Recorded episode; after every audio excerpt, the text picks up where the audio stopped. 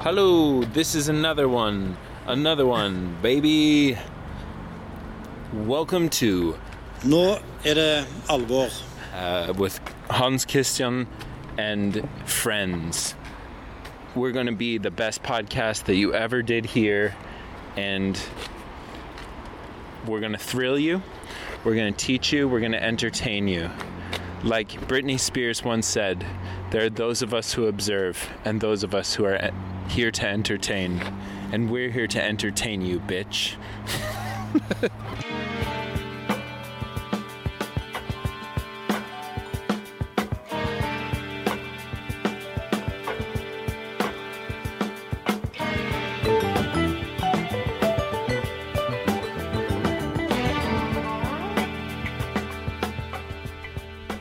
Og så kan du prøve å holde den liksom eh, det Ja, der. jeg pleier å ha den på Per- haka når jeg prater. Ja, men det er perfekt. ja. Så styrer jeg bare lyden her hvis det er noe. Da kan vi bare begynne, da. Hva Vi sa kan, du? vi kan bare begynne. Vi bare prater. Ja. Vi bare prater. Og hvis jeg altså, svarer en del her, så er det bare for at jeg hører litt dårlig. Ja, ja. ja.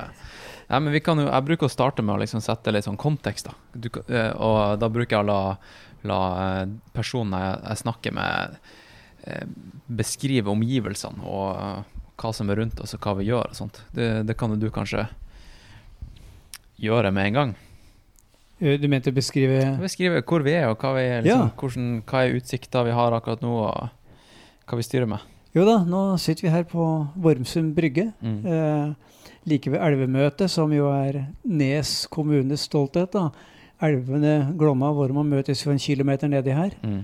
Eh, vi er altså ved Vorma, eh, hvor jeg bor helt nede på brygga. Mm. Stort bedre kan man ikke få det som pensjonist. Vorma er elva. Vorma, det er elva, ja. Mm. Det er, vannet kommer fra Mjøsa noen få kilometer oppi her. Mm.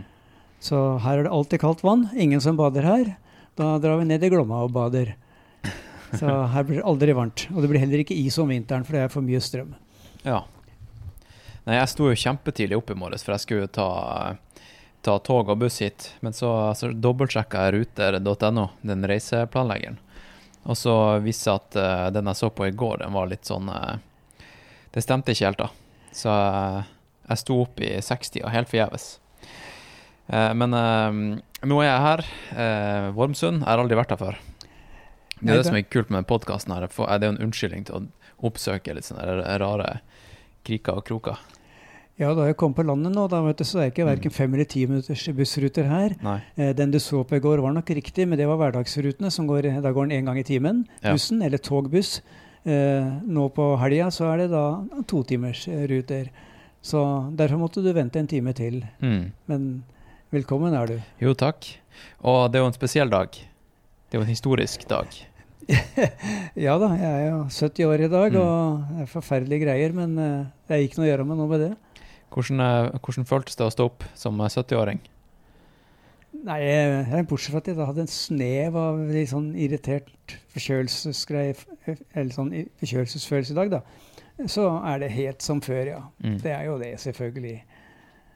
Du har ikke litt sånn ekstra noia for at det kan være korona? Nå er du jo, er du jo offisielt i dag liksom i, eh, i eh, utsatt eh, aldersgruppe også.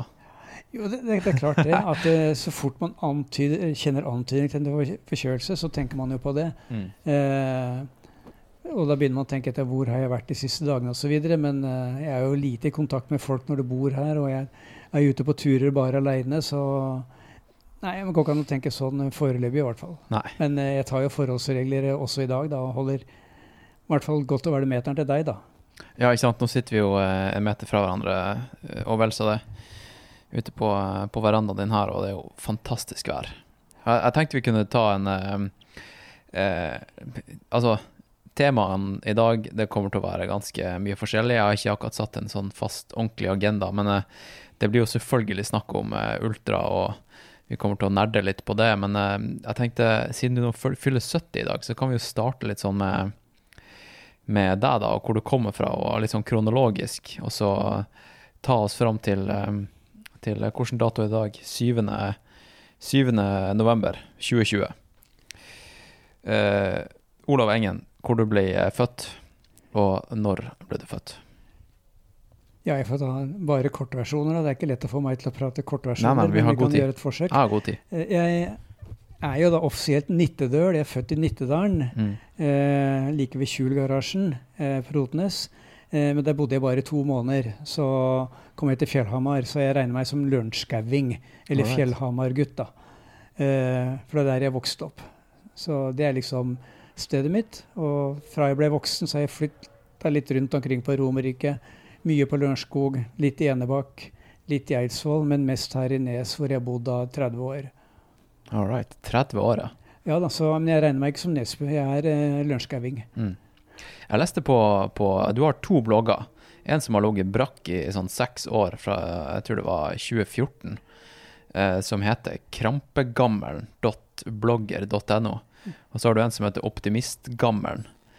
Eh, og den fra 2014, da står det i, i headeren der da, at eh, du har sprunget konkurranser i 37 år.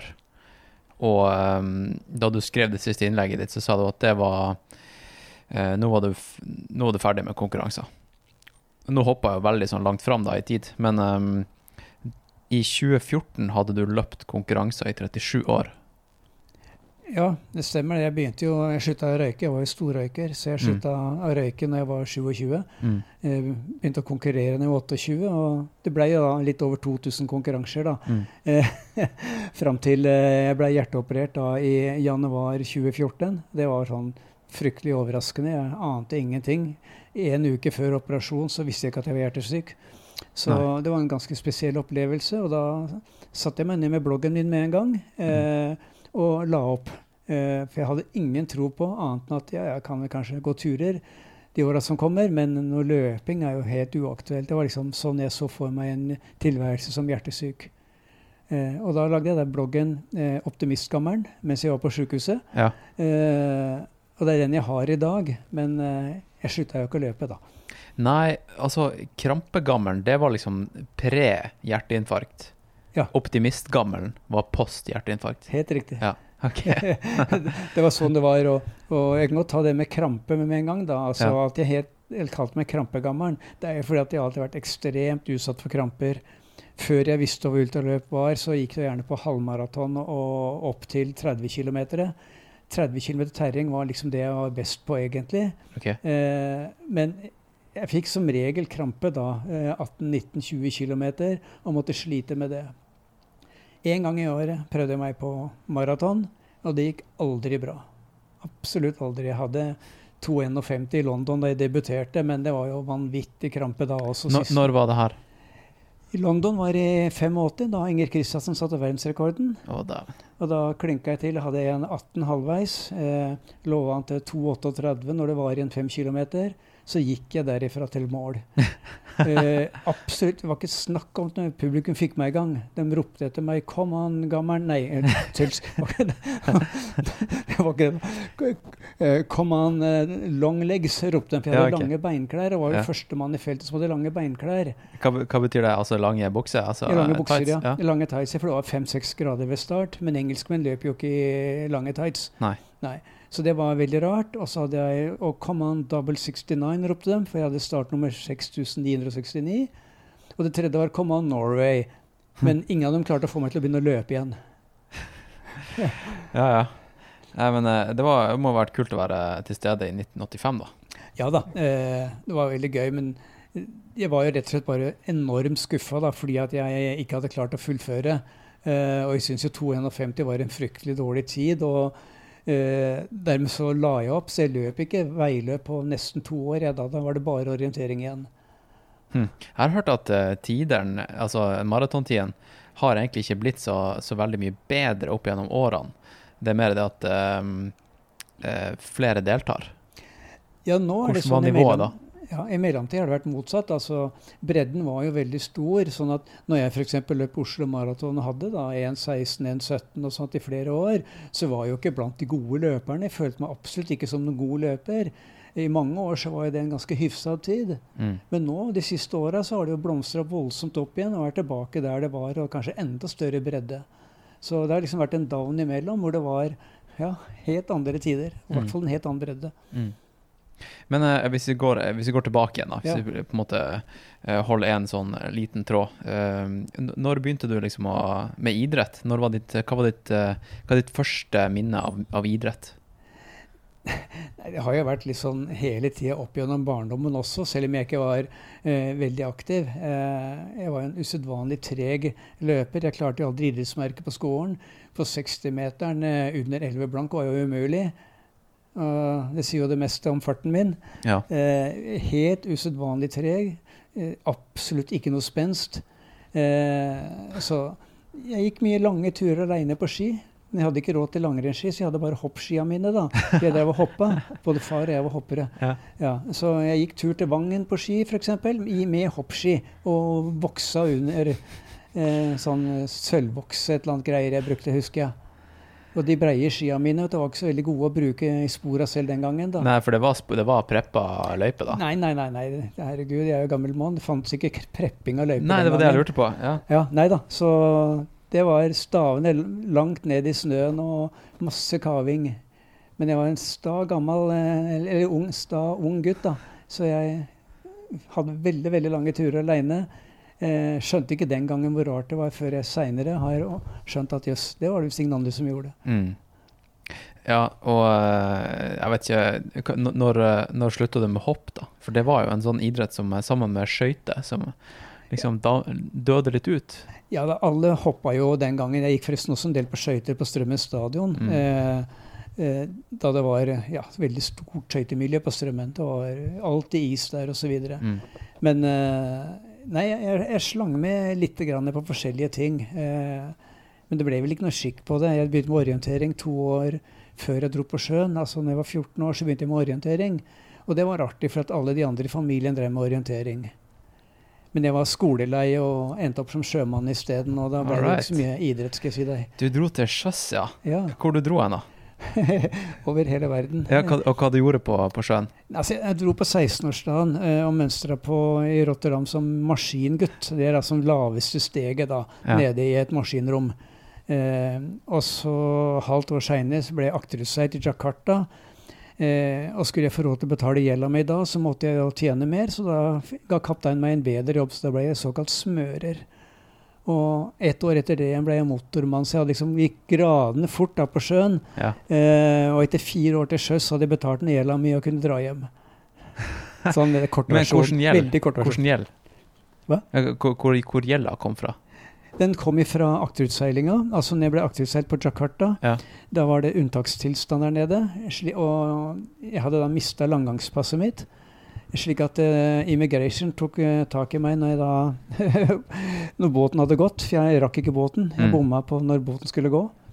Uh, og da ble jeg boende to uker da, med immigra to immigration-folk nede i Tandung Priok, som det heter. Havnebyen til Jakarta. Og så ble jeg da sendt med fly oppover via Kuwait og opp til Persiabukta. Der var det sandstorm, så jeg venta på båten i over en uke der. Altså, Så det ene og det andre balla på seg. Ja, Gjelda tilsvarte den gangen eh, i hvert fall en par årslønner. Jeg husker ikke helt beløpet, men uh, det var enormt beløp for en guttunge. i hvert fall. Daven.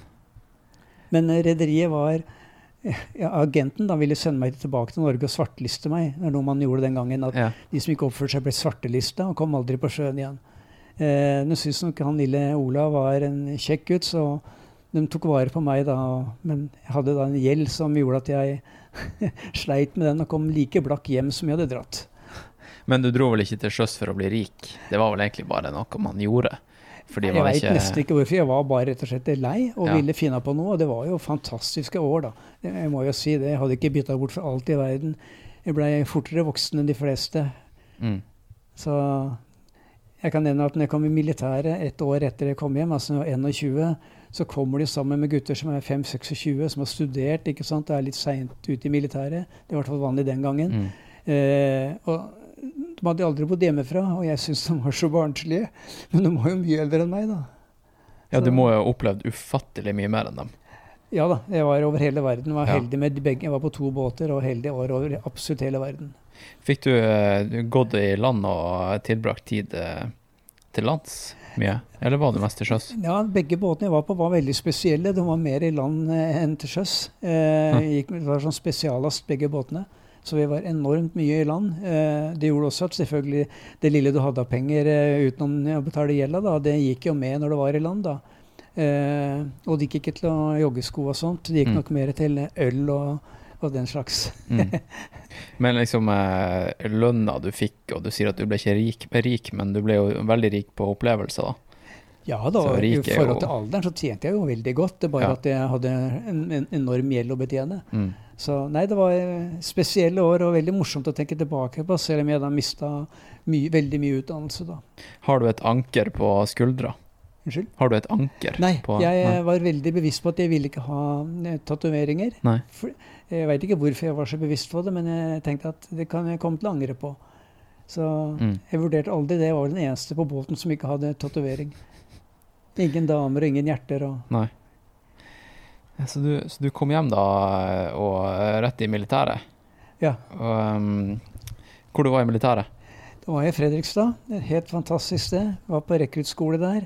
Og syntes militæret var ganske interessant. Mm. Eh, det var mye idrett der. Jeg, jeg var egentlig i ganske god form. Jeg løp en del, selv om jeg røyka 50 om dagen. Eh, altså, altså, jeg røyka med begge hender. Ja. Eh, likevel så var jeg i god form. Eh, og jeg hadde ikke utdannelse som gjorde at jeg kunne komme inn på sersjantkurs her nede. Men fordi jeg var såpass god til å løpe, så fikk jeg likevel komme på dette sersjantkurset. Det var liksom en av grunnene. Mm. Altså, fordi jeg var eh, ganske ivrig i tjenesten da. Så Derfor fikk jeg nye seks måneder nede på sersjantkurs. Og det morsomme der var at da har jeg en premie inn på kontoret mitt her. Og det er da bestemannspremie i idrett fra det halvåret der på sersjantkurset. Og det var jeg da særdeles stolt av, da, fordi at jeg var jo ingen idrettsmann. Men når jeg tenker tilbake, så løper jeg veldig lett. og det er å kombinere røyking og løping, det kan du gjøre når du er ung, men det hadde selvfølgelig vært umulig eh, som voksen mann. Ja, ja. Hva, det var du røyka, da? Var det rullings? Eller Det var var bare rullings. Ja. Ja, da. Så jeg, når jeg sykla tur, f.eks., så satt jeg og rulla rullingsen mens jeg sykla.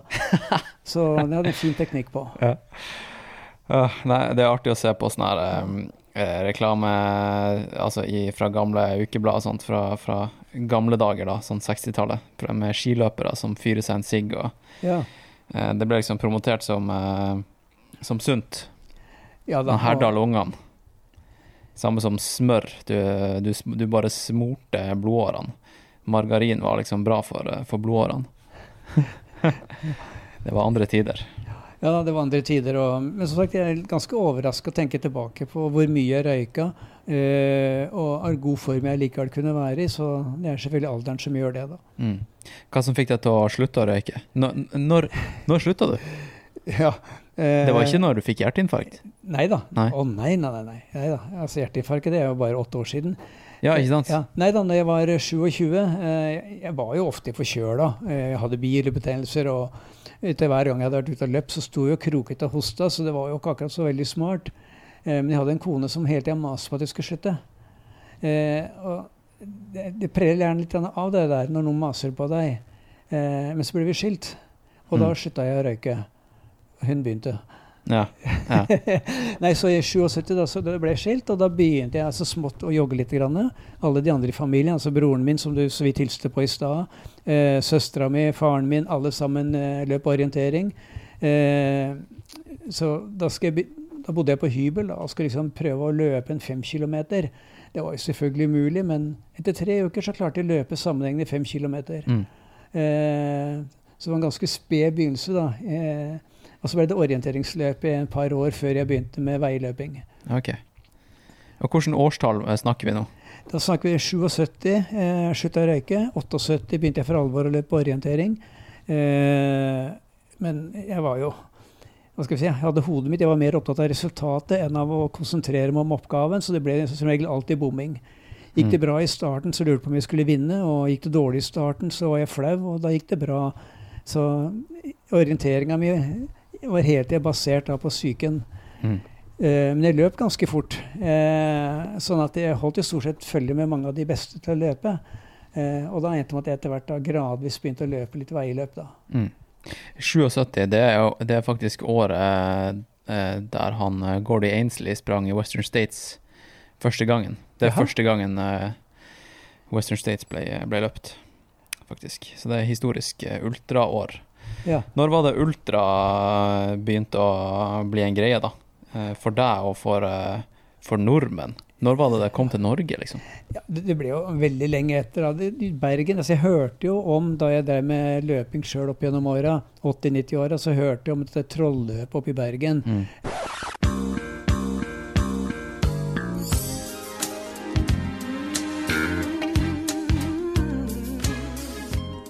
Ok, kjære lytter. Du har nå hørt eh, en eh, liten teaser. En eh, teaser, en gratisvariant av podkasten. Resten av episoden den kan du høre inne på patrion.com slash nedaproject. Og ikke bare kan du høre resten av denne episoden, men du kan høre alle framtidige episoder av podkasten og alle episoder som har vært. Det er jo godt over 150 episoder som ligger inne på Patrion. Det er bare noen som har fått en eh, teaser her på, på iTunes og Spotify, så jeg vil absolutt anbefalt, eh, hvis du er på nøleren, ta og klikk deg inn på patrion.com slash nedaproject, og så kan du scrolle deg gjennom hele diskografien og se hva som finnes der inne. Så kan jeg si det at eh, jeg bruker Patrion som finansieringsmodell hovedsakelig fordi at jeg har mest lyst til å bruke tida mi til å lage fete podkastepisoder, sånn som den du nettopp hørte. Eh, Og det å bruke tida mi på å, eh, å ringe og sende e-poster til eh, potensielle annonsører, det, det er noe av det jeg liker minst. Det er selvfølgelig aktuelt, men jeg syns ikke det er så veldig artig. Så Eh, hvis det er noen der ute som eh, kunne tenke seg å låse opp denne episoden her til alle og enhver, hvis dere vil ha deres brand og navn stempla foran og bak på episoden, bare send meg en en e-post eller ring meg. Det er kontaktinformasjon i, i shownotes, og så, så blir det ordnings, folkens. Men eh, eh, hvis du vil høre dagens episode, gå som sagt inn på patreon.com slash nedaproject, og så kan du høre den episoden der, og alle andre episoder som har vært, og alle episoder som kommer. I tillegg så får du da tilgang til en Slack-kanal der du kan snakke med meg og alle de andre lytterne av podkasten. Så da, hvis du har lyst til å eh, lære mer om eh, ultraløping eller klatring, eller få inspirasjon fra andre lyttere, eh, snakke med andre likesinnede, dele YouTube-videoer, whatever, liksom. Så, eh, så finner du det inne på Slack-kanalen til eh, Nå er det alvor. Og det får du kun tilgang til hvis du er Patrion. Så jeg vet ikke helt hva dere eh, nøler med, folkens. Kom dere inn på Patrion, og så eh, snakkes vi der inne. Ok? Over og ut, Roger og Knut.